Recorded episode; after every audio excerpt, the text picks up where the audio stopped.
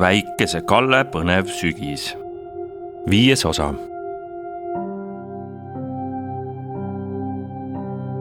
võimas kellseinal näitas viissada kuuskümmend neli, kui väike Kalle, hääletushookurg, valimiskomisjoni auväärne liige Jõhker Juhan ning punaste kukesulgedega ekspert hiiglaslikku ruumi tormasid. see oli maa-alune koobas ning parajasti oli seal käimas suur-suur koosolek. väike Kalle vaatas kella. see näitas juba viissada nelikümmend kaheksa, mis tähendab, et väikese Kalle isa päästmiseks oli aega veel ainult viissada nelikümmend kaheksa sekundit. tule. ekspert sikutas väikest Kallet käest ja tõmbas teda ühe suure kaljunuki taha. tasakesi piilus ta selle tagant välja ning alles nüüd nägi väike Kalle, et koosolekut pidasid kummalised olendid. mõnel olid lestad, aga inimese pea. teistel jällegi oli lame nokk, aga samasugune kena punniskõht nagu Kalle isal, kui ta oli ära joonud pudeli sidrunilimonaadi.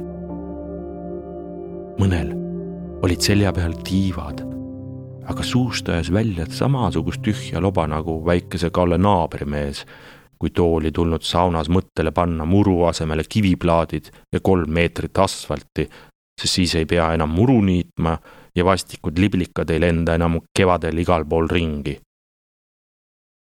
otse väikese Kalle nina eest lipsas aga läbi veel eriti kummaline olend. tal oli inimese keha, kuid juuksed olid pealaelt natuke turris ning kui ta ühte oma tuttavat hüüdis, siis kostus tema suust ainult prääksti, prääksti. väike Kalle märkas, et jõhkra Juhani nägu oli erutusest punaseks värvunud. uskumatu, sõnas jõhker Juhan. kolmkümmend aastat oleme seda kohta otsinud ja lõpuks leidsin. ta vaatas väikesele Kallele otsa. saad aru, suur rulle, hüüatas ta kuid tasandas kohe häält ja jätkas sosinal. see siin on peibutuspartide kokkutulek. tähendab, kusagil siin lähedal on neil pesa. me oleme seda aastakümneid otsinud, vahepeal lõime käega, ei uskunud, et kunagi leiame. aga palun väga. ja kes leidis?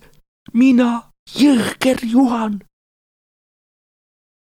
väike Kalle märkas, et jõhker Juhan hõõrub kõiki oma kuud kätt omavahel kokku. kes teab, ütles jõhker Juhan. võib-olla antakse mulle selle eest isegi kuldne hääletoru. tasakesi piilusid kõik uuesti üle Kaljunuki peibutuspartide koosoleku poole. oli see vast pöörane sündmus kümned ja kümned poolinimesed, poolpardid hüüdsid, prääksusid piiksusid ja hõikusid läbisegi. ja millest nad rääkisid? Nad ei rääkinudki, vaid hoopis praalisid. mina võtsin Nõmmel tuhandelt inimeselt hääle, teatas üks tüüp, kelle tagataskust turitasid välja pehmed udusuled. üks lollakas jooksis veel järele ja tahtis oma häält tagasi saada. no mida sa karjud, kui häält ei ole, tutkid talle ja tüüp puhkes naerma ning koos temaga kõik teised peibutuspardid. aga mina, piiksus üks olend, kellel olid lestad sõrmede vahel ja üks käsi liikus kogu aeg üles-alla, nagu prooviks ta lendu tõusta. aga mina sain kätte Märjamaal kahesaja inimese hääled, küll need hakkasid kibedasti kahetsema, et oma hääled mulle andsid, aga ma näen ju nii kena välja muidugi annavad mulle. ja kõik röökisid naerda. nii nad seal läbisegi käratsesid, kuni korraga oli kuulda vaikset köhatust. sa võid küsida, kuidas on see võimalik, et kõik röögivad, aga vaikset köhatust on kuulda. aga vahel ongi nii, et kõige suurema lärmi sees on kuulda hoopis seda, kes kõige vaiksemalt räägib. tähendab, ütles üks vaikne kuid kume hääl ning kõik vahkatasid. peibutuspardid tõmbusid eemale ning nende keskele liipas üks väike armetu peibutuspardike.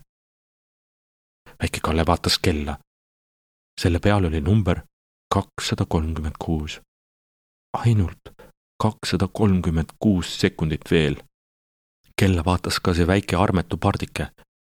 tähendab, ütles ta uuesti, kolmkümmend aastat olen ma teda otsinud ja eile mina tema leidsin. ta köhatas. muidugi mitte ise. mulle oli abiks tema. ja ta tõukas enda ette väikese poliitbroileri. sa jeerum, milline oli selle broileri päevitus. ta oli üleni pruun nagu väikese Kalle isa, kui ta proovib kingi viksida. poliitbroiler ajas rinna uhkelt kummi ja prääksus. prääks, mina, jah, prääks, mina, mina. siis saabus taas vaikus. väike peibutuspardike vaatas ringi ja ütles. jah, ma leidsin ta eile ning muutsin kivikujuks. teised peibutuspardid hakkasid nihelema, siis juba sumisema, kuni lõpuks julges üks neist küsida. kuid kelle aulik suur peibutuspaet vabandust, suur peibutuspart. väike peibutuspart oli veel hetke vait, vaatas siis ringi ja ütles. maailma kõige usinama valija, valija, kes pole kunagi ühtegi valimist vahele jätnud, valija, kes valib poes piimasorte ja rosinakeekse, valib õiget ja valet, valib edasi või tagasi. väikese Kalle isa üle koosoleku käis kahin. justament, jätkas väike peibutuspart. ma leidsin ta ja muutsin kivikujuks ja täpselt saja kolmekümne viie sekundi pärast ta kivikujuks jääbki ning siis pole maailma kõige usinamal valijal enam häält. see tähendab, et maailmast oleme võimule meie, peibutuspardid kõik hakkasid hurraa karjuma, plagistama oma tiibadega, prääksutama oma nokkadega ja trampima oma jalgadega. kell aga tiksus halastamatult edasi. juba oli sada kaks, siis üheksakümmend kaheksa, siis kaheksakümmend üheksa. kuid väike Kalle ei teadnud ikka veel, mida teha. ta vaatas jõhkrale Juhanile otsa. see pilgutas talle silma Pole midagi, ütles ta. siis tõusis jõhker Juhan püsti, hakkas vehkima kõigi oma kuue käe ning jalaga, nõnda et kõik portfellid nende otsas kõlkusid nagu jõuluehted kuusepuul, kui väikese Kalle isa neid üles panna proovib ning karjus. halloo, peibutuspardid, siin valimiskomisjoni liige Jõhker Juhan, töötõend number miljon kaks. jõhker Juhan pilgutas silma ning kaljunuki tagant tõusid kohmetult püsti väike Kalle, ekspert ning sookurg. teatan ametlikult, karjus jõhker Juhan peibutuspartidele, et need kolm on eriti super-mega-hüperprofessionaalsed vaatlejad, kes just äsja tegid teist kõigist fotod. ja need fotod meie riputame üles ning kirjutame alla. Neile mitte oma häält anda. Teie pidu, kallid pardid, on läbi. oi jummel, need seitseteist kevadist hetke. sa ei kujuta ette, mis sai. tõusis meeletu lärm. pardid proovisid põgeneda, plagistasid oma tiibadega ning õhk täitus udusulgedega. kuid minema ei pääsenud ometi keegi, sest nad olid ainult poolenisti pardid väike Kalle vaatas seda tobuva pohu ning tema silmadesse tungisid pisarad. kell näitas juba kolmkümmend neli, vaid kolmkümmend neli sekundit väikese Kalle isa päästmiseks. kuid siiski, karjus nüüd jõhker Juhan. vabastage maailma kõige usinam valija oma kurjast nõidusest, andke talle tagasi tema hääl ning ma luban, et me hävitame kõik fotod. saabus haudvaikus siis astus teiste ette too väike peibutuspardike. ta värises üleni vihast.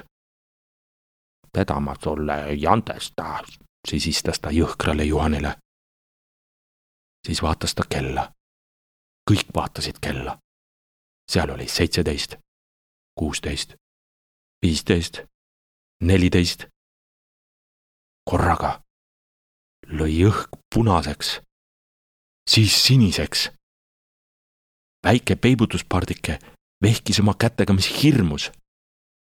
käis pauk, siis käis bäng, siis käis pss ja siis käis pauh. väike Kalle istus oma toas laua taga. teisel pool lauda istus isa ja sõi putru. miks sa ei söö? Küsis isa väikselt Kallelt. söö ruttu, ma tahan täna veel endale pintsaku valida. väike Kalle hõõrus silmi. aga tõepoolest, tema isa oli jälle tema isa. väike Kalle vaatas aknast välja. seal kõndis naabrimees Jõhker Juhan. tal olid kaks kätt ja kaks jalga ning väike hall portfell. Tundus, et ta läks tööle. kui väike Kalle akna juurde sammus, tõusid metsa äärest õhku kaks lindu. üks neist oli sookurg ja teine oli part. üks kluugutas ja teine prääksus. loo autor Eero Epner, luges Gert Raudsepp originaalmuusika ja helikujundus Janek Murd. Levila kaks tuhat kakskümmend üks